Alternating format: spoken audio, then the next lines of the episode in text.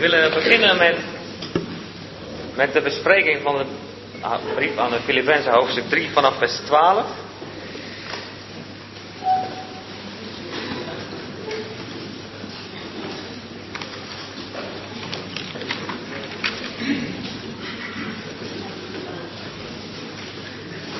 Als het goed is, verschijnt er een PowerPoint.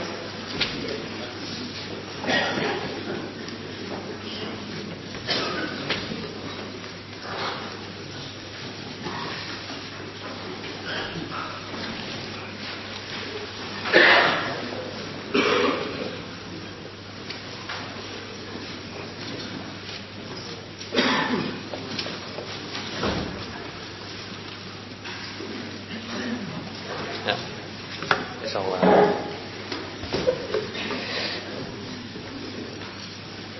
Zoals u eh, in de uitnodiging hebt kunnen lezen, gaan we vandaag verder vanaf hoofdstuk 3, vers 12. Maar het is toch wel eigenlijk een goede gewoonte om kort een overzicht te geven van wat we de voorgaande keren besproken hebben. En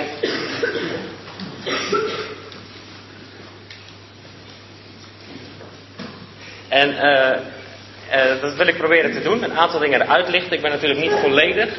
Maar eh, we hebben de vorige keer gezien dat, en dat is eigenlijk ook al wel gezegd, dat de brief aan de Filippenzen een dankbrief van Paulus is, geschreven vanuit gevangenschap.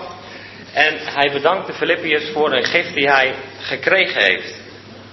En we hebben ook met elkaar eh, besproken en vastgesteld dat het een brief is die gaat om onze christelijke levenspraktijk, hoe wij ons leven invulling kunnen geven met de Heer Jezus. En ook vandaag denk ik dat dat in het bijzonder geldt. En eh, daar wil ik zo nog iets over vertellen. Vorige keer hebben we aangegeven, heel kort, en ik denk dat we daar vandaag aan toekomen. Eh, vorig jaar zijn we daar niet aan toegekomen. Dat Filippi een Romeinse kolonie was. Met de cultuur, taal en gebruiken van het Romeinse Rijk. En voor hen was het vanzelfsprekend, als, als Paulus het heeft over het hemels burgerschap, wat Paulus daarmee bedoelde. En ik denk dat we daar vandaag wel aan toekomen. Dat is vanaf vers 19.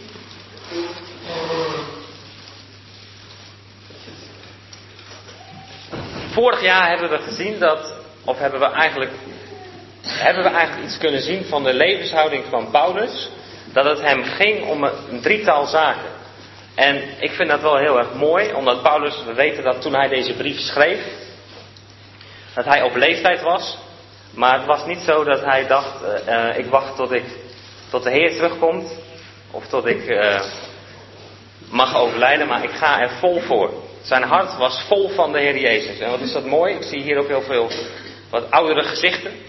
Veel christelijke levenservaring zit in deze zaal. Wat zou mooi zijn als we elkaar vandaag kunnen bemoedigen en kunnen vertellen wat ons leven met de Heer inhoudt. Het ging Paulus om drie dingen.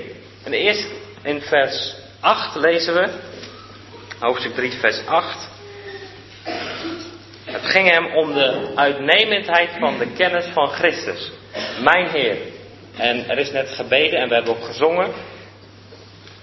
Jezus, mijn heiland. En vorig jaar hebben we, ik ga niet vragen welke vier voorbeelden in het Nieuwe Testament dat waren, maar het staat vier keer in het Nieuwe Testament dat iemand zegt, Jezus, mijn Heer. En dat was in eerste instantie was dat Elisabeth, toen Maria bij eh, haar op bezoek kwam. We zien dat ook bij Thomas, mijn Heer en mijn God. En we zien dat ook, de derde, zien we ook, Maria Magdalena. Ja, het was me even ontschoten. Waar hebben ze mijn Heer gelegd? En Paulus zegt dat ook. De uitnemendheid van de kennis van Christus Jezus, mijn Heer. Het tweede waar het hem om ging, was hem te winnen en in hem bevonden te worden. Daar hebben we vorig jaar ook over nagedacht. Vers 9. Zijn hart was erop gericht om de Heer Jezus te winnen. En het derde is om hem te kennen. En hem te kennen hebben we over nagedacht, dat was niet een oppervlakkig kennen, maar het ging om intimiteit.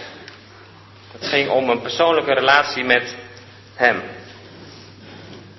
Wat ik belangrijk vond vorig jaar is dat we hebben kunnen zien dat er eigenlijk een samenhang is tussen hoofdstuk 2 en hoofdstuk 3. En eigenlijk zou je die twee hoofdstukken ook samen moeten nemen. Omdat we zien in hoofdstuk 3 dat de Heer Jezus ons doel is. We zien hem daar als de verheerlijkte mens in de hemel. En wat is mooi dat we ook als zodanig met hem omgang mogen hebben. Als we net gebeden hebben, dan bidden we tot die mens. De Heer Jezus als mens in de hemel. Zo mogen we hem kennen. Als persoon. En in hoofdstuk 2 hebben we vorig jaar gezien dat we de Heer Jezus mogen kennen als ons voorbeeld zoals hij op aarde was. Dan niet om zijn werk, maar om wie hij als vernederde mens op aarde was. En daarin is hij ons tot voorbeeld. En dat zijn eigenlijk twee aspecten van de Heer Jezus die voor ons praktisch leven buitengewoon belangrijk zijn. Als wij weten dat wij met Hem, met hem mogen lijden of moeten lijden, dan doen we dat met de wetenschap dat we uitzicht hebben op Hem als de verheerlijkte mens in de hemel. En hier in de Filippi-brief vind je eigenlijk de chronologische volgorde. Maar ik heb ergens gelezen, en volgens mij is dat vorig jaar ook gezegd, dat je het eigenlijk voor ons praktisch leven om zou moeten draaien. Want je moet hem eigenlijk eerst kennen als verheerlijkte mens in de hemel. Als je de Heer Jezus wil volgen in zijn, in zijn lijden, als je zijn voorbeeld wil volgen, en je hebt geen zicht op hem als verheerlijkte mens in de hemel, dan is dat ontzettend moeilijk. Goedemorgen. Uh, je ziet dat bijvoorbeeld in Marcus 10 bij de discipelen.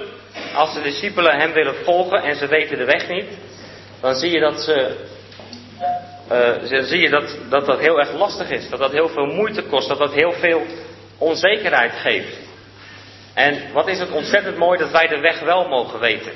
Dat wij weten waar onze weg op uitloopt, namelijk op de Heer Jezus zelf.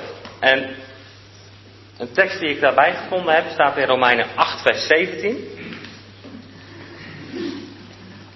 En daar staat, als wij met hem lijden, zullen wij ook met hem verheerlijkt worden. En eigenlijk vind je daar hoofdstuk 2 en hoofdstuk 3 terug. Het lijden hoofdstuk 2 en met hem verheerlijkt worden hoofdstuk 3.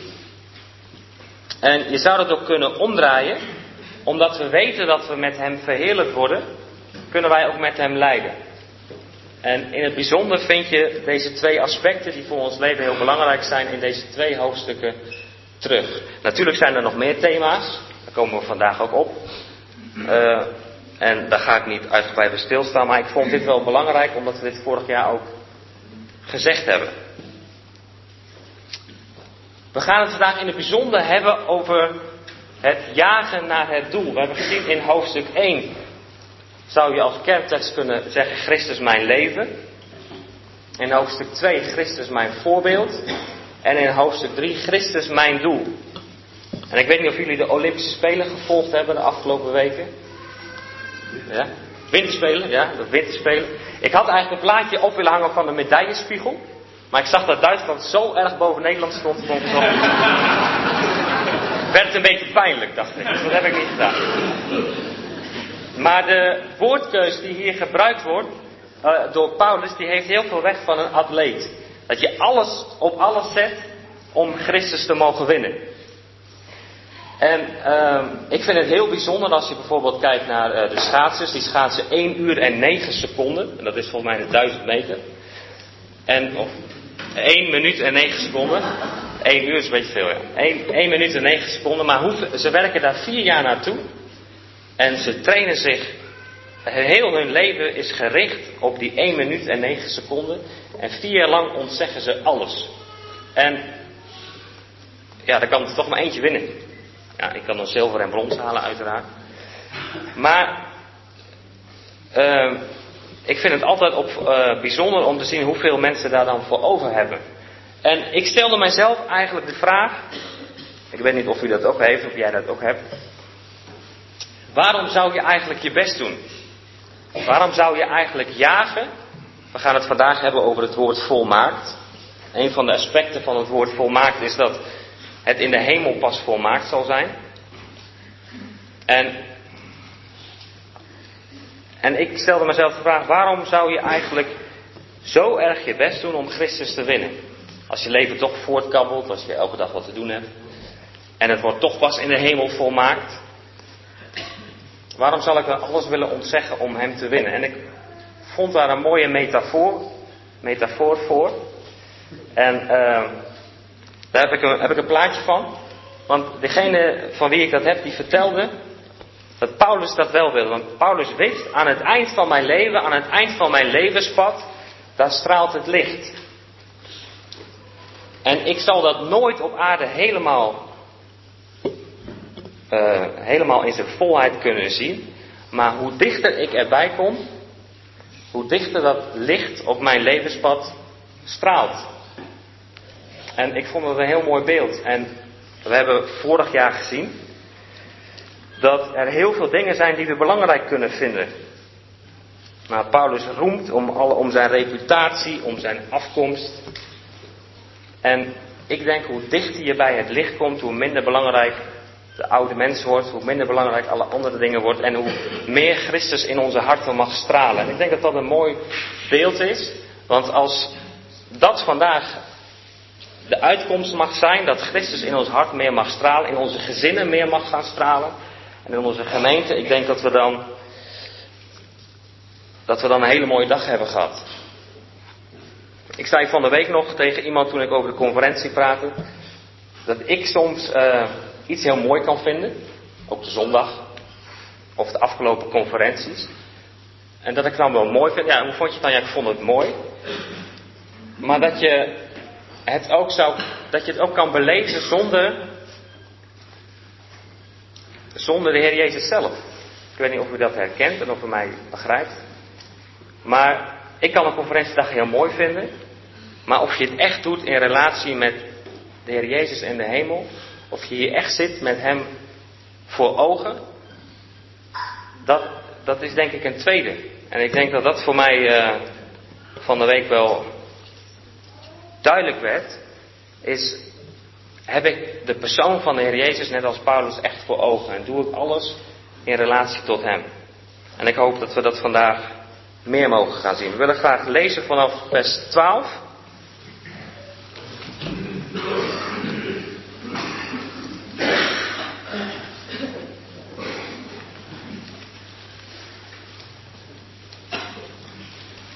Ik denk dat ik eh, de praktische afspraken even voor de tijd doe.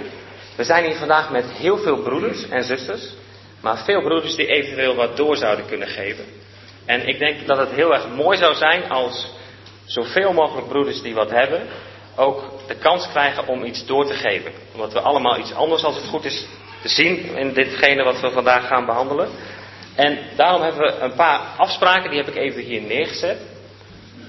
Dat we proberen om korte toespraken te houden van om en nabij de vijf minuten. Zodat het goed te volgen is, zodat er ook wat rust is voor iedereen. We zijn hier met, met jongeren en met ouderen bij elkaar. Tweede richtlijn is eigenlijk één bijdrage per broeder per bespreking. Dat wordt al wat lastiger, zie je. Maar uh, ik denk wel dat dat goed is. Het is geen vaste afspraak. Maar ik denk dat het goed is als, je al, als u al een keer wat gezegd heeft, of je, dat u zich dan afvraagt: is het handig als ik nog een keer wat zeg? Of geef ik anderen de kans? Uh, het is niet zo dat je die vijf minuten kan opsparen. En dat je dan aan het eind van de middag ineens 20 minuten mag vullen. Het is, elke bespreking beginnen we weer opnieuw. Ja. Vragen stellen mag ook. En daar een kort een antwoord op geven als niemand anders een antwoord weet. Dat geldt natuurlijk helemaal niet met die twee keer, dat snappen we ook wel. Maar het gaat om de gedachte die erachter zit. Filippenzen hoofdstuk 3 vanaf vers 12.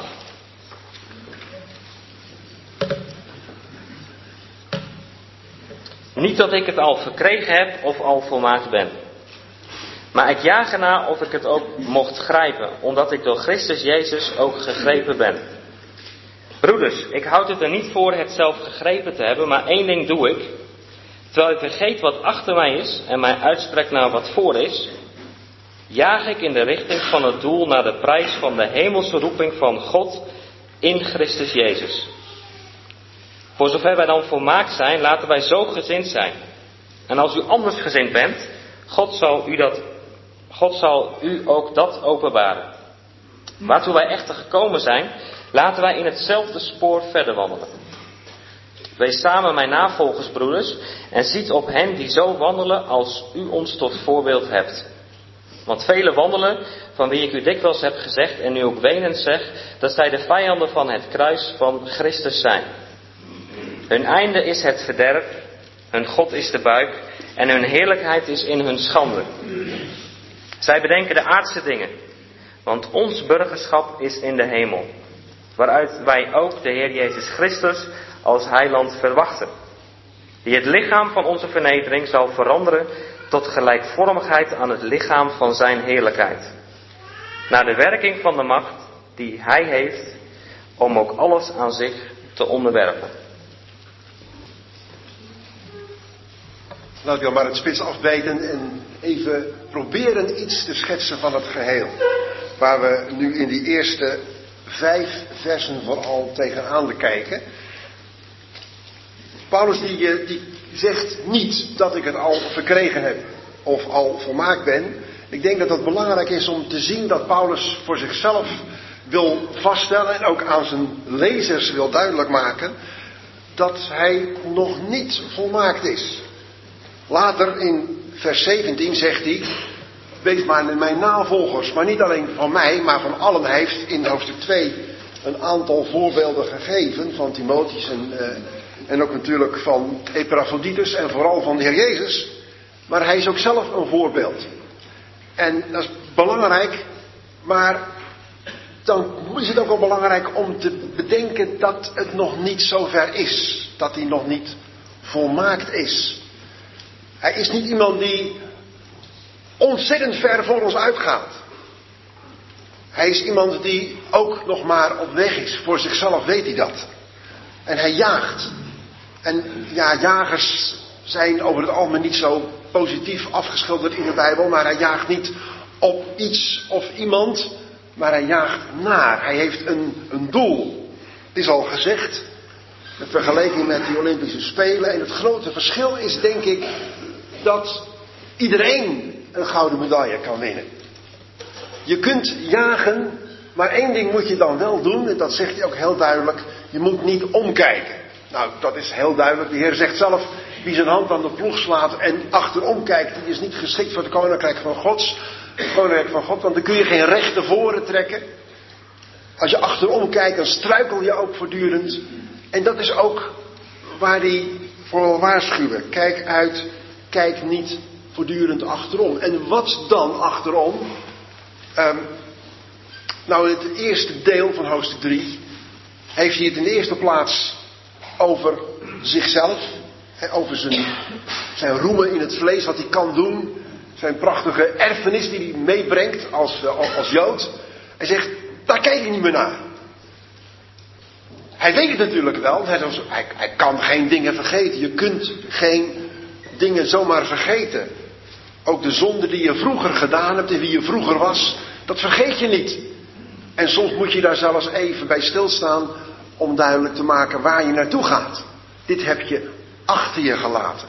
Maar wat je ook achter je laat, dat is in, vanaf vers 9, zijn mogelijke eigenlijke eigen vorderingen. Hij wil vooruit. Hij wil vooruitkijken. Hij wil naar de Heer toe. Hij, je kunt niet alsmaar terugkijken. En één ding daarbij wil ik even expres noemen bij dat terugkijken. Het kan zijn dat, er iets, dat je iets met je meeschouwt waar je last van hebt, schuldgevoel.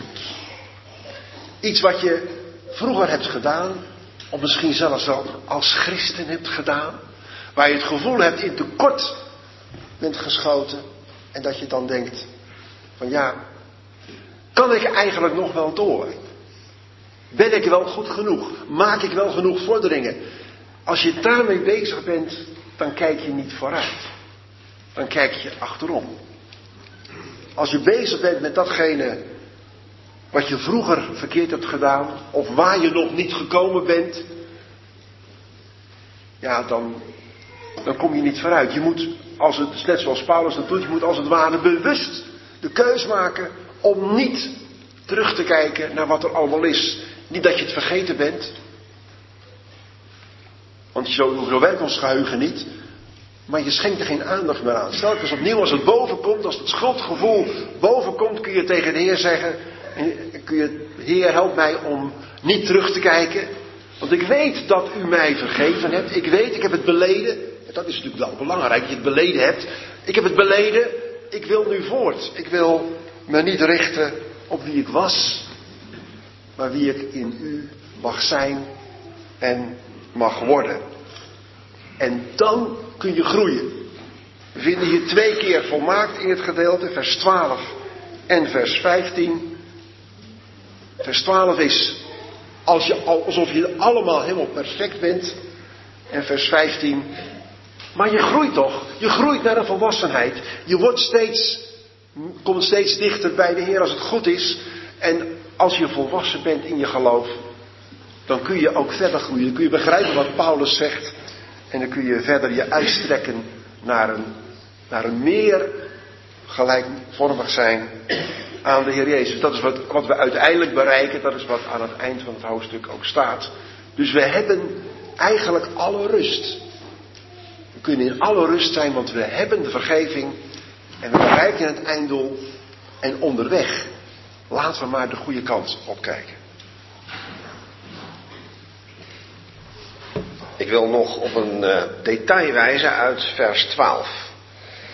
Direct de eerste paar woorden plaatsen ons voor een kleine vraag. Als Paulus zegt, niet dat ik het al verkregen heb. Dan zou je kunnen afvragen, wat is dan dat het? Het interessante is dat het woordje door Paulus zelf niet wordt gebruikt. Er staat alleen maar niet dat ik al verkregen heb. Dat kan in het Nederlands niet. Dit soort woorden veronderstellen een iets dat je verkregen hebt, een leidend voorwerp. Dus is dat toegevoegd. En zelfs zonder haakjes, omdat het echt onmisbaar is. Er moet iets bij gedacht worden en de vraag die beantwoord moet worden is dus de vraag, wat heeft Paulus dan nog niet verkregen?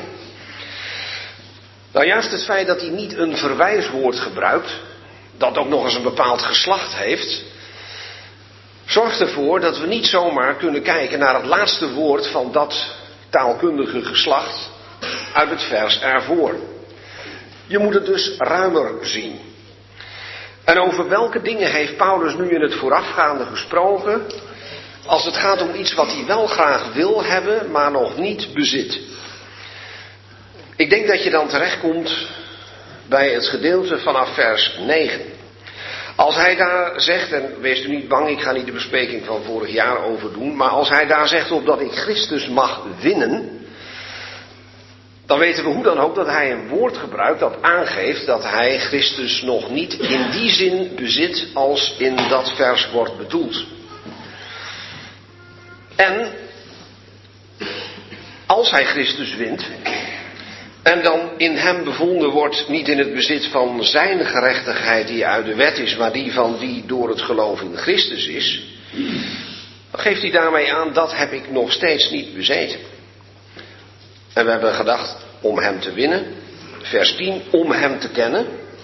En dan heel specifiek de kracht van zijn opstanding. En dan ook nog eens die kracht van die opstanding te leren kennen door zelf de weg van dood van lijden, dood en opstanding te gaan, van dat totale geheel, zegt Paulus, het is heel hoog gegrepen. Ik zeg het letterlijk zo. Maar het is het voor mij ook. Ik ben daar ook nog niet. Dat totaal van mijn wensenpakket, ik zeg het in alle eerbied, daartoe ben ik nog niet gekomen. En ik vind het heerlijk als ik Paulus dit soort dingen hoor zeggen. Ik heb groot respect voor Paulus en ik denk dat iedereen dat hier heeft. Ik vind het een onvoorstelbare uh, dienstknecht van de Heer die onvoorstelbaar veel heeft mogen doorgeven.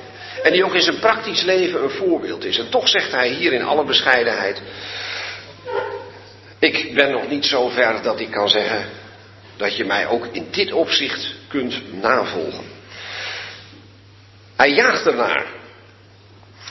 Oftewel, hij zegt niet, nou dan wacht ik maar af. Nee, hij spant zich wel in. Hij vindt het nastrevenswaardige doelen. En die inspanning blijkt uit het jagen en uit het grijpen. Dat wil hij graag, maar aan de andere kant beseft hij dat kan ik niet in eigen kracht. En daarom vind ik het zo mooi dat hij die woordspeling maakt. Of ik het ook mocht grijpen, omdat ik, zo van, en daar kan ik naar streven. Ik heb een goede wens in dat opzicht, omdat ik door Christus Jezus ook gegrepen ben. Toen ik een aantal jaren geleden een titel moest bedenken voor mijn commentaar op de Filippenzen, was dat de eerste keer dat ik binnen een paar minuten een titel had. Gegrepen door Christus. Ik denk, ja, dat is voor Paulus een feit geweest. Dat mag het ook voor mij, voor u zijn, voor ons. Is het niet geweldig dat die hemelse hand naar ons is uitgestrekt? Dat Christus ons gegrepen heeft, maar niet om ons dan maar meteen op te nemen, maar om ons hier op aarde dit te laten ervaren, zo te laten streven naar een geestelijk doel op een weg waar zelfs een man als Paulus ons is voorgegaan, zonder daarbij te zeggen dat hij er al was. Ja, ik vind het gewoon geweldig te weten dat je door Jezus Christus gegrepen bent. En het niet alleen maar als een daad van ik heb je, maar als een dat je door hem gevangen genomen bent. Volkomen in beslag genomen. Ik heb een tijd in mijn leven gehad dat ik uh, eigenlijk een beetje op twee gedachten hinkte.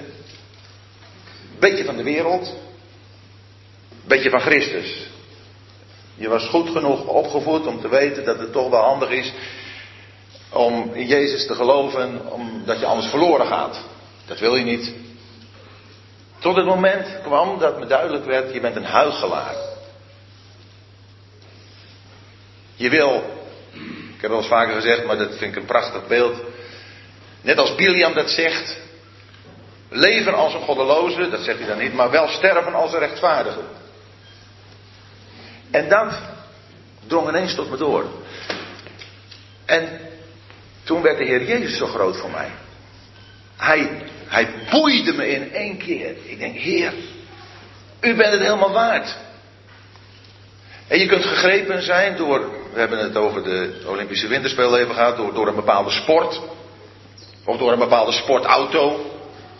Of weet ik veel wat.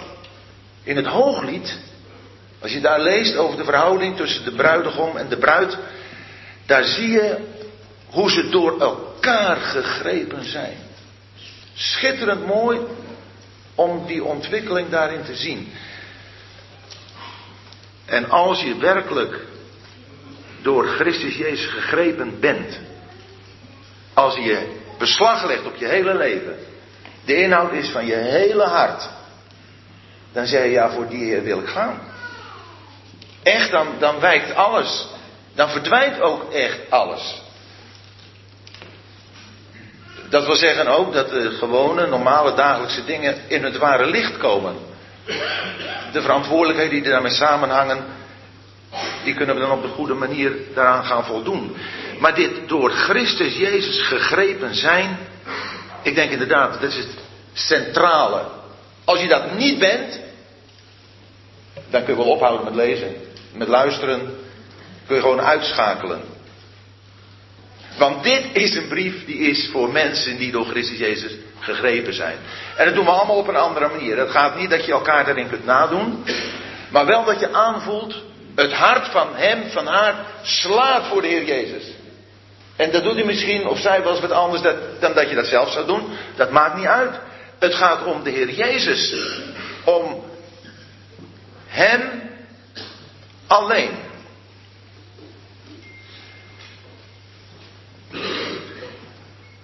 Christus. Door Hem gegrepen zijn. Daar komt tegelijkertijd besef bij als een klein inleidend woord mag zeggen over vers 13. Dat we ook onze beperking kennen. En Paulus is er ook heel open over, broeders. Ik houd het er niet voor het zelf gegrepen te hebben. We zijn er nog niet, ook daar is al op gewezen. Maar tegelijkertijd toch weer dat ene ding. één ding doe ik. Ja, en ook één ding, dat, dat, is, dat sluit al het andere uit. Als je één ding hebt plus iets anders, dan heb je niet meer één ding. Eén ding, is één ding. En wij zijn mensen die vaak één ding plus nog, maar dan heb je niet meer één ding. Eén ding, dat is Christus. Eén ding doe ik. Alles op Hem gericht. En wat dat betreft kunnen we voor onszelf misschien nagaan. Is er toch nog iets bij Christus, dat ene ding wat toch duidelijk maakt dat ik niet één ding doe. Ik wil het wel. En ik hoop dat de Heer ook deze dag daarvoor gebruikt. We hebben er ook voor gebeden. Dat het werkelijk alleen om Hem zal gaan. Dat ene ding. Dat ene doel. Wat wij in deze versen vinden is het resultaat in het hart van de apostel van Paulus, wat hij vooraf gezegd heeft. En als wij in Genesis 24 een vrouw, Rebecca, vinden, een jong meisje, die gevraagd werd om een man te ontmoeten, te trouwen, die hij, zij nooit heeft gezien. Dan vragen wij, hoe kan dat dat ze meegaat? Hoe kan dat dat ze alles verlaat en deze man volgt die er tot Isaac leidt? En ik denk, één ding is het. Zij heeft de sieraden gezien die Eliezer meegebracht heeft. En die zij cadeau kreeg. Gouden en zilveren sieraden. Ze heeft een indruk gekregen van die man in de heerlijkheid. In het land Cana. En dat is wat Paulus hier ook zegt. Hij heeft een indruk in zijn hart. Van die man in zijn heerlijkheid. En daarom wilde hij hem volgen. We hebben in het verleden gezien deze drie dingen die zijn leven uitmaakten. Christus winnen. Alles andere was verlies, maar dat was winst. Het tweede, in hem bevonden te worden. Dat is de rijkdom van een christen. Dat wij één Christus zijn. En hij wil dat volle resultaat daarvan voor ogen hebben. En dat volle resultaat in Christus te zijn. Dat vinden wij in 2 Korinther 12. Ik ken een man in Christus Jezus. Die in de heerlijkheid te huis is. We weten dat de Israëlieten nooit in Christus zijn. Dat is niet hun voorrecht. Dat is het bijzonder christelijke voorrecht. En het derde, en daar zijn we eigenlijk een hele leven mee bezig, hem te kennen. In al die drie facetten van zijn leven. In de heerlijkheid. Als het oude koren van het land. Zo waar Deuteronomie 8 van spreekt. Dit heerlijke land.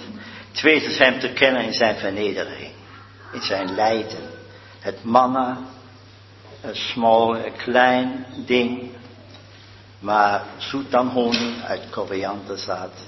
Hoe hij kwam hier op aarde in vernedering. En ook hem te kennen als het paaslam waar wij van eten. Deze drie aspecten heeft zijn leven uitgemaakt. En daarom jaagde hij deze heerlijkheid meer te bezitten. Wij vinden dan dat hij zegt, ik heb het nog niet verkregen. Ik ben er nog niet. En hij noemt hier drie, uh, noemt hier het woord volmaakt. Ik ben nog niet volmaakt. En we moeten hier even kijken op welke manier de Bijbel dit woord gebruikt, volmaakt. Wij vinden in vers 15 ook het woord, voor zover wij dan volmaakt zijn, laten wij zo gezind zijn. Wij vinden drie aspecten in dat volmaakt zijn in de Bijbel. Het eerste is wat wij in Hebrea 10 vinden, dat wij door één offer eens voor altijd volmaakt zijn. Dat is door het aannemen van het werk van de Heer Jezus in het geloof. Zijn wij volmaakt voor God. Er gaat nooit meer iets veranderen. Maar dan een tweede die wij hier vinden is dat wij dat wat volmaakt in verband zien met volgegroeien. Een volwassen man. Dat wordt in 1 Korinther 2. Daar zegt die apostel, ik, uh, wij spreken wijsheid onder de volkomenen. Dat zijn zulke die in geestige manier volwassen zijn. Die volgroeid zijn. En dat kon hij helaas niet van de uh, Corinthiërs zeggen. Zij zeggen, jullie zijn net als baby's die nog melk nodig hebben, omdat u jullie vleeselijk zijn. Een volwassen gelovige is iemand die uh, Romeinen 5 en Romeinen 8 in zijn hart heeft aangenomen. Door het geloof gerechtvaardigd is. Die bevrijding kent. En die in de geest wandelt. En die ook, en dat gaat natuurlijk ook bij Filippenzen. De leer van Efeze en en Colosse. De hemelse roeping. Heeft in zijn hart opgenomen. En daar komt het al dat wij heel veel dingen daarvan niet meer kennen in hoeverre wij dan volwassen zijn. Maar dat is het tweede uh, aspect van volkomenheid. En dan hebben wij een derde aspect, en in het bijzonder is de tekst uit Hebreeën 12, en ook hier die tekst in vers Filippa 3, vers 12 van betekenis. In Hebreeën 11 aan het eind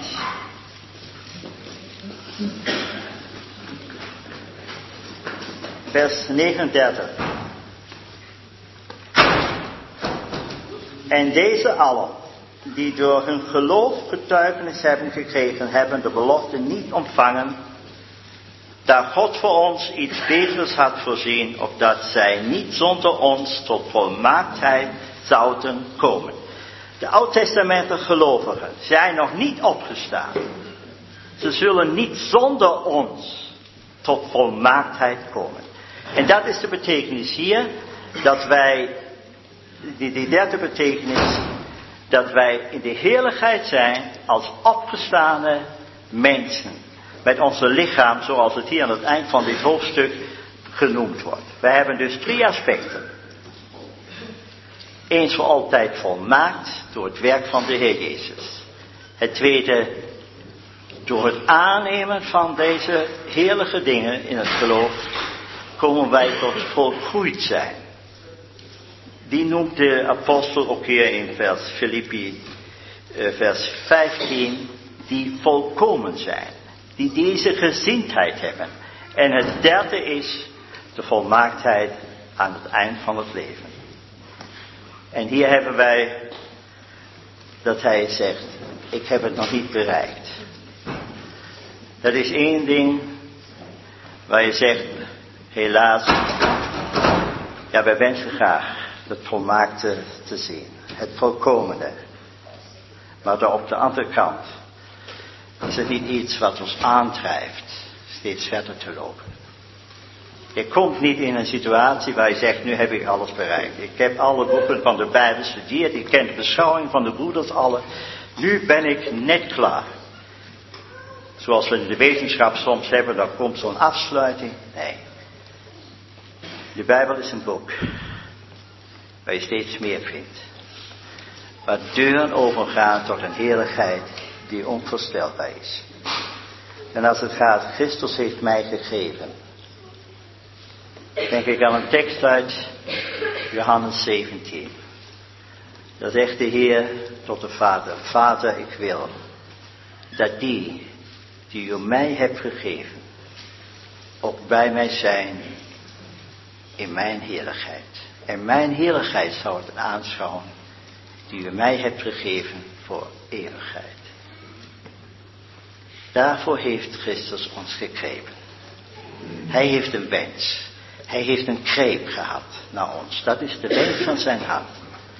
En hij wil dat wij dat echo in onze harten hebben. Ook deze wens te krijgen, naar die heerlijkheid uit te gaan. En dan zeggen we net als Rebecca, ja, ik will gaan. Eine ganz kurze Gedanke, ihr Lieben, auf Deutsch.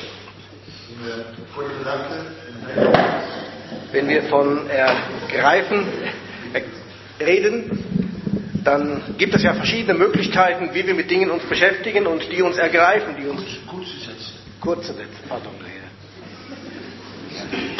Ich bin leider ein Schnellredner, Entschuldigung. Ik moest nog maar... Ja. Es, gibt, es gibt also verschiedene Dinge, die uns ergreifen. Er zijn dus verschillende dingen die ons kunnen grijpen. Zum Beispiel im Fußball, da gibt es einen Fan von Ajax, da gibt es einen Fan von Borussia. De, in eh, de voetbalwereld, en dan zijn gaan we even over de Duitse Tour. Die sind ergriffen vom Fußball. Wie van het eh, voetbal, door het voetbal gegrepen is. Es gibt einen Wissenschaftler, einen Physiker, Er is een eh, wetenschapper, een, der ist ergriffen von irgendeinem Thema. Die is door een thema gegrepen. Er arbeitet sein ganzes Leben daran En daar werkt hij zijn hele leven aan. und hat das Ziel, vielleicht einmal den Nobelpreis zu bekommen. En die heeft zich het doel gesteld om misschien een keer een Nobelprijs te winnen. Dann gibt es einen Jeremia Er is een Jeremia. in Jeremia 20, Vers 7. En dan lezen we in Jeremia 20, vers 7. Herr, du hast mich beredet und ich habe mich bereden lassen. Du hast mich ergriffen und überwältigt. U hebt mij overgehaald, heren, en ik heb mij laten overhalen. U bent mij te sterk geworden en u hebt mij en u hebt overwonnen. Also Jeremia war ergriffen von dem, was Gott ihm gesagt hat, von seinen Gedanken, von seinen Plänen, von Jeremia seinen... was dus gegrepen door wat God hem gezegd had, door zijn plannen, door zijn gedachten. Und wenn wir das Leben Jeremia kennen, und wir kennen es wahrscheinlich alle, En wanneer we het leven van Jeremia kennen, en we kennen het waarschijnlijk allemaal, dann wissen wir, dass er dieses Leben nicht hätte führen können, dan weten we dat hij dit leven niet zou hebben kunnen leiden, wenn er nicht ergriffen wäre vom Wort Gottes. als hij niet door het woord van God gegrepen zou zijn geweest. Und so ist es auch für uns. En zo is het ook voor ons. Wenn wir nicht ergriffen sind vom Wort Gottes, Wanneer we niet door het woord van God gegrepen zijn, ich rede von mir in Schwachheit, wenn ich an Jeremia oder an Paulus denke, ik, ik spreek van mezelf in zwakheid, als ik denk aan Paulus, Jeremia, aber wenn ich nicht versuche, davon ergriffen zu sein, maar wanneer ik probeer daardoor gegrepen te zijn, wie ist dann mein Weg, wie ist dann mein Ziel? hoe is dan mijn weg, hoe is mijn doel? Ich möchte, sollte unser Wunsch sein, dass wir wirklich dieses Wort Gottes essen, dass wir es ernst nehmen, Het is onze ja, wens, of mijn wens dat we het woord eten, dat we het ernstig nemen, auch wenn wir nie vollkommen werden. ook al worden we hier Das niet kommt erst später, volkomen, dat komt pas later. aber es soll unser Ziel sein. Maar dat moet ons doel zijn. Ik hou er altijd van om dingen naar nu te plaatsen. Want dat is ook de bedoeling van de apostel in de brief om ons te bemoedigen. Door de tijd heen, iedereen die dat leest. Hoe is ons geloof nu? Ik weet niet wat uw geschiedenis is. Als je dat parallel ligt naast Filippenzen 2. ehm, wat u achter u heeft gelaten. En niet meer achterom kijken. Er zijn enkele dingen genoemd. Door Kees ook. Dingen waar je over schuldig kan voelen. Maar er kunnen ook heel moeilijke dingen zijn die je hebt meegemaakt. Trauma's. Eh, dingen die jou zijn aangedaan. Door anderen. Ook als christen, ook onder broeders en zusters. We maken nog steeds dingen mee, dat moeten we niet vergeten. Als we naar die volmaaktheid op weg zijn, die pijn doen. Dat is ook lijden om Christus wil. Ik wil, ik wil een andere eh, invalshoek op het woord gegrepen leggen. Ehm, Paulus is door de Heer Jezus gegrepen op de weg naar Damascus.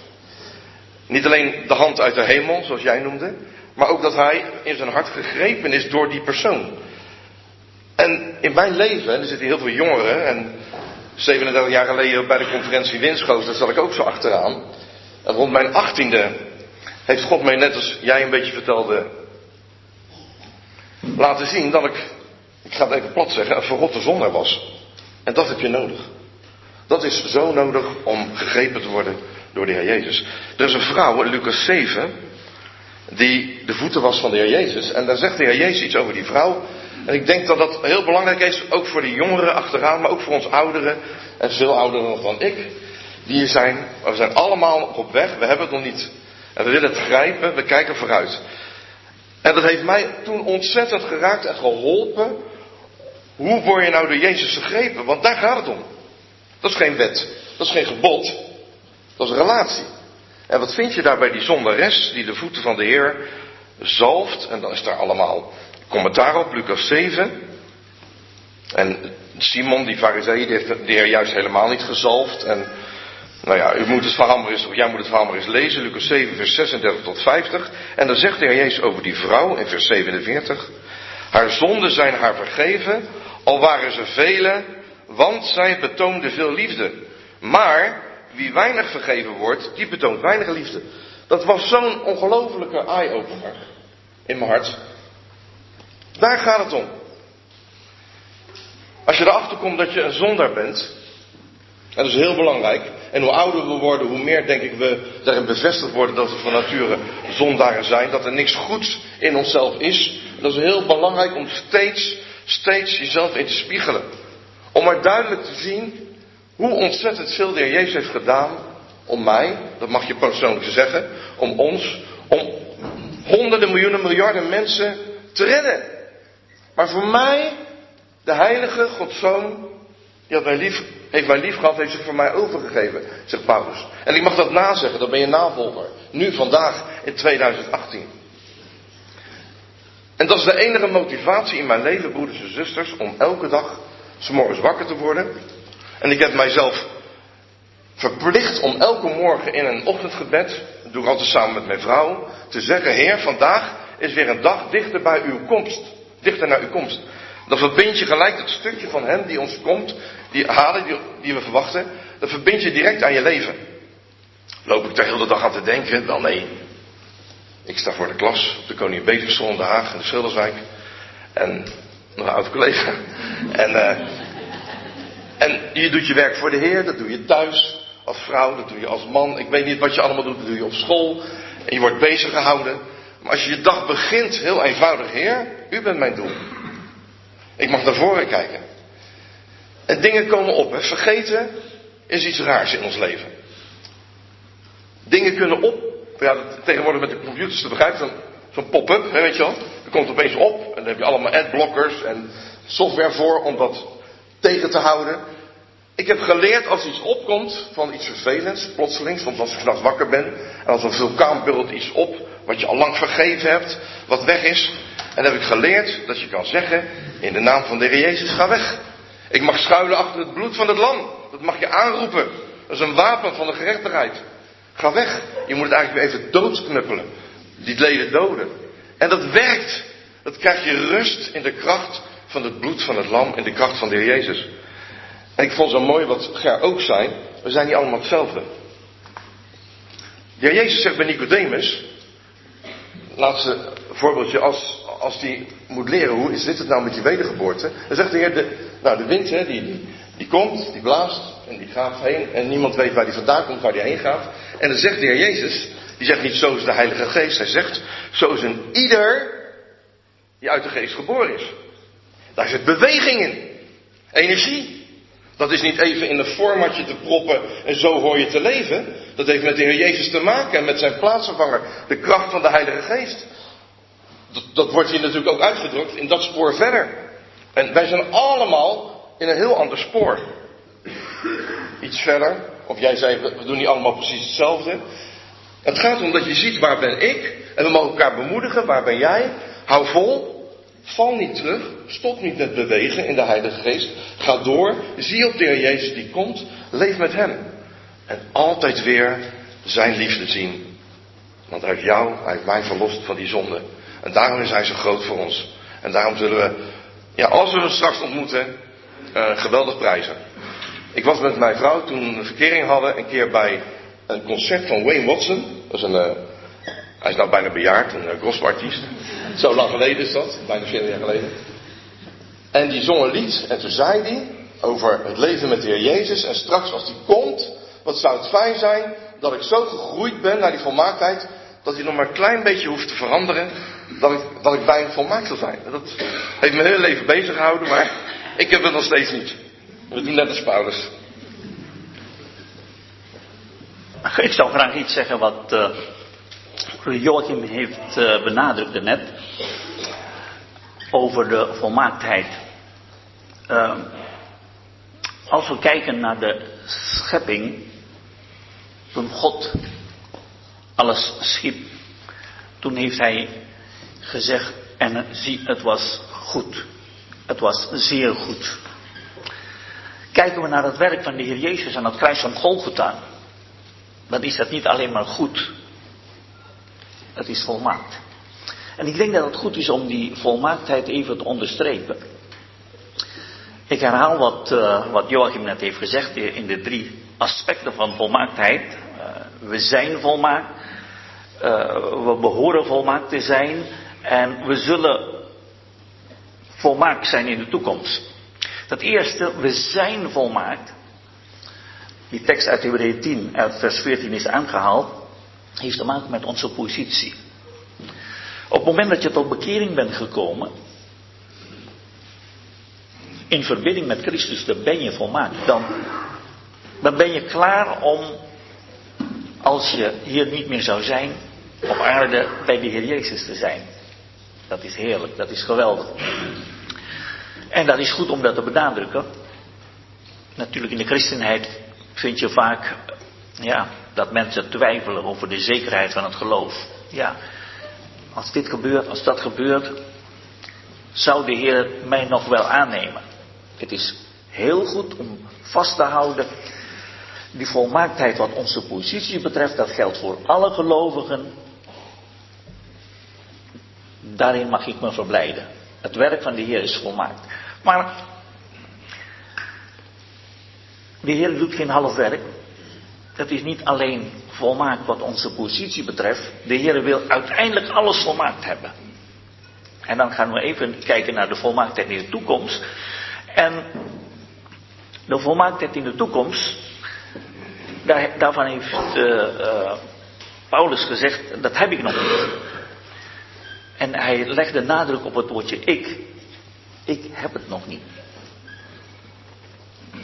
En eigenlijk tussen de regels door kun je lezen dat Paulus zegt, ik nog niet en jullie dus ook niet. En waarom niet? Ik denk dat dat toch, uh, we leven ook in een tijd dat, dat ook leerlingen zijn, van de heiligingsleer en alles, dat je die volmaaktheid nu al zou kunnen hebben. Ik noem even een, een, een, een bepaalde pinksterleer, dat je als je maar gedoopt bent in de geest of in domme spreekt, dat je eigenlijk niet meer zondigt. Bepaalde heiligingsleer. En Paulus maakt heel duidelijk hier, nee, die volmaaktheid, wat zonde betreft, zolang we hier op aarde zijn, hebben we dit lichaam nog, dan kunnen wij nog altijd zondigen. We hoeven niet te zondigen, maar we kunnen altijd nog zondigen. Dus dat is, dat is ook heel belangrijk om, om vast te houden. Die volmaaktheid zullen we straks hebben als we bij de Heer Jezus zijn. Betekent dat niet dat in deze tijd dat we dan zeggen, nou ja, dan, uh, dan, dan kunnen we maar alles loslaten. Nee, dan is er een andere volmaaktheid en dat heeft te maken met onze verantwoordelijkheid hier en nu. Dan komen we naar hier en nu. Die eerste volmaaktheid, dat is positie, kijk je naar het verleden. De derde volmaaktheid, kijk je naar de toekomst. Dan zullen we van het heerlijk lichaam hebben. Maar hier gaat het om volmaaktheid wat gezindheid betreft. En daarin mogen we groeien. We mogen groeien naar die gezindheid. Dat is onze streven, dat is onze verantwoordelijkheid. En in vers 15 zegt Paulus dan ook, zoveel dan als wij volmaakt zijn. Dat betekent, we zijn nog niet allemaal volmaakt, wat gezindheid betreft. Maar dat is onze streven. We moeten, we mogen daarnaar streven. En volmaakt in welk opzicht? Volmaakt wat gezindheid betreft, dat zegt, vers 15. Dat maakt duidelijk, volmaakt is hier niet in die zin van dat je niet meer zondig, zondigt. Het is heel belangrijk om te benadrukken. Volmaakt is in die zin dat je gegrepen bent. Die gezindheid, en dan heb je twee aspecten van die gezindheid in hoofdstuk 2. De gezindheid met de Heer Jezus als ons voorbeeld. En dat gaat over, uh, over hoe wij leven in deze wereld. En in hoofdstuk 3 is die gezindheid dat ons hart gegrepen is doordat we als het ware een ontmoeting hebben gehad met de verheerlijkte Heer in de hemel. En dat is, dat is eigenlijk het geheim van Filippi 3. Filippi 3 is dat we als gelovigen verbonden zijn met de Heer Jezus in de hemel. Het werk van de Heer Jezus op het kruis van Golgotha, brengt ons zoveel aspecten met zich mee, zoveel heerlijkheden. En het belangrijkste hier in Filippi 3 is dat door, die, door het werk van de Heer Jezus kunnen we kijken naar Hem. En het is het, is het kijken en op het moment dat je, dat je oog hebt daar, um, voor, de, voor de Heer Jezus in die heerlijkheid, zoals Paulus onderweg naar Damascus, dan word je gegrepen. En zo gegrepen dat Paulus eigenlijk hier zegt in hoofdstuk 3, het gaat mij niet alleen om vergelijking met mijn zondig leven. Het gaat niet alleen maar om aardse wereldse dingen. Hij zegt, zelfs als zou ik het vergelijken met godsdienstige voorrechten wat ik vroeger bezat, allemaal positieve godsdienstige dingen. En dan zegt hij, nee, ik acht dat allemaal als drek, want het gaat om de persoon van de Heer Jezus. Ik word door Hem gegrepen. En als het gaat om Hem, dan is er geen halfhartig, het is geen part-time zaak. Het is, het is met mijn hele hart ben ik helemaal gegrepen. En ik denk dat uh, het doel van een conferentie zoals hier is, dat we, dat we gaan beseffen wat, wat de Heer Jezus graag wil bij ieder van ons, is dat we als, als we van hier weggaan, dat we niet alleen een aantal dingen hebben leren kennen, kennis vanuit Gods woord, maar dat je hart gegrepen wordt door die persoon, dat, dat je zegt, nou, vanaf nu wil ik alleen maar streven om Hem beter te leren kennen. Het doel van mijn leven is Hem. Voor mij, zegt Paulus, is het leven Christus. En we mogen Hem Paulus daarin navolgen. Het gaat inderdaad om iemand, en dat is de Heer Jezus. En niet alleen om feiten over iemand, over de Heer Jezus Christus. Het trof mij dat in de inleiding werd gezegd dat je een conferentie kunt hebben, beleven met elkaar, los van degene om wie het gaat los van de Heer Jezus Christus. En dan blijft je hart leeg, je intellect vol. En dat is nou precies niet wat bedoeld wordt, denk ik, in de Bijbel. En ik zie hier in dit stukje een hunkering. Een enorm verlangen van iemand. Een heimwee naar iemand. Mijn ziel dorst naar God naar de levende God. Wanneer zal ik komen en voor zijn aangezicht verschijnen? En dat vind ik heel mooi. Um, ik heb hier een, een, een verhaaltje, dat wil ik voorlezen om alleen maar duidelijk te maken wat ik net gezegd heb. Het is uit een boekje, en dat boekje heet Leven met Jezus geschreven door Juan Carlos Ortiz. Een van de belangrijkste dingen waarom wij in de gemeente zo weinig groei zien, is dat wij ons concentreren op begrippen in plaats van op het leven. We zijn ons ervan bewust welke leerstellingen we aanhangen, tot welk theologisch systeem wij behoren en welke principes we in elk geval dienen vast te houden. Wat bedoel ik nu precies als ik zeg dat we begripgericht zijn? Stel dat u mij vraagt, wilt u ons een bijbelstudie geven over het begrip vreugde? Dan zal ik dat uiteraard graag doen. Ik ga naar mijn studeerkamer, neem een concordantie van de plank en zoek het woord vreugde op.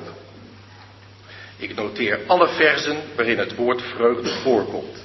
Jongen, wat zijn er veel? Kies de teksten die het best passen bij de boodschap die ik wil brengen en laat de rest achterwege. Vervolgens kijk ik in mijn Griekse woordenboek. Wat is het Griekse woord voor vreugde? Geweldig. Nu het Hebreeuws, nog beter. Ik zoek op wat Spurgeon, de grote Engelse baptistenpredikant, over vreugde heeft gezegd, enzovoort. Ik heb een studie klaar. Bij de volgende bijeenkomst kom ik binnen en ik zeg: Broeders, zusters, we gaan het vandaag over vreugde hebben. Het woord vreugde heeft in het Grieks een andere betekenis dan in onze taal, omdat het Grieks rijker is. Maar het Hebreeuws gaat nog dieper dan het Grieks. Abraham zei over vreugde, Jezus zei over vreugde, Paulus zei over vreugde, Spurgeon zei over vreugde. En de mensen zeggen, wat een geweldige studie. Dank u wel, broeder. Dan merkt iemand op, deze boodschap over vreugde is geweldig. Kunnen wij uw notities niet krijgen? En tegenwoordig zeggen we dan, kunnen we de, de PowerPoint die toegestuurd krijgen? Tuurlijk, die mag u hebben en ze staan op het internet. Maar niemand heeft die vreugde. Ze kennen nu wel het begrip vreugde, maar het leven van vreugde kennen ze niet. Wat hebt u, wat heb jij, het begrip of degene die het leven is? Nou, hier in deze brief gaat het om hem, om degene die het leven is, onze Heer Jezus Christus. Als een eh, chemicus, als een scheikundige bezig is met formules, H2O of andere formules, dan kan hij daar zo diep in doordringen, zonder dat hij ooit water drinkt, bij wijze van spreken. En als een bioloog bezig is om als bioloog de natuur te onderzoeken, dan kan hij daar zo ongelooflijk mee bezig zijn, dat hij niet eens de vogeltjes meer hoort. Of de bladeren aan de bomen ziet. Of ontdekt dat dat lente is. Hij is helemaal op het feit gericht. En wat de apostel Paulus hier doet, is dat hij ons wil duidelijk maken, het gaat om iemand. Het gaat om hem. Ik heb een hunkering naar hem. Ik heb een hunkering naar God. Hij moet mijn leven echt helemaal vullen. Het gaat om hem. Ja, dan denk je aan die wedloop. En die begint denk ik op het moment dat we wedergeboren worden. Die renbaan. Dus we denken dan niet zozeer aan de tijd van voor onze bekering. Maar juist vanaf het moment dat we starten. Starten Start to finish. We willen ook naar, de, naar het eindpunt toe. En dan kan het zo zijn dat je tijdens de wedloop als christen blessures oploopt. Dus dan denken we niet aan de tijd voor onze bekering, maar vanaf het moment dat we wedergeboren worden. En dan gaat het erom dat je doorgaat. Er was ooit eens een atleet uit een bepaald land in Afrika afgezonderd voor de Olympische Spelen. En dat ging, hij, hij moest een marathon lopen. En nou, dat deed hij, maar onderweg ging het niet goed. En nog nooit is iemand zo laat binnengekomen nadat alle anderen al binnen waren. Vol met blessures, en, maar hij kwam over de eindstreep. En iedereen was al hem vergeten. Toen kwamen de journalisten aan toe en zeiden, waarom, waarom ben je zo laat binnengekomen? Nou, zei hij, mijn land heeft niet afgezonderd om te starten, maar om te finishen. En ik wilde niet opgeven. Ik ben doorgegaan. Nou, zo kan je tijdens de wedloop blessures oplopen. Als atleet, als christen, als broeder, als zuster, als jonge man, als jonge vrouw. En dan kijk je niet achterom, maar dan ga je door. En ook resultaten in het verleden behaald zijn, geen garantie voor de toekomst. En dus we gaan ook door. We, weten van, ik ben er nog niet. En ik, kijkend, ziend op Jezus, ga ik door. Totdat ik dan bij hem ben en die volmaaktheid waar we net over gehoord hebben, heb bereikt. Dus voor zover we dan volmaakt zijn, volwassen in het geloof, laten wij zo gezind zijn hè, en naar dat doel kijken wat voor ons ligt. En dat is niet iets maar het is iemand.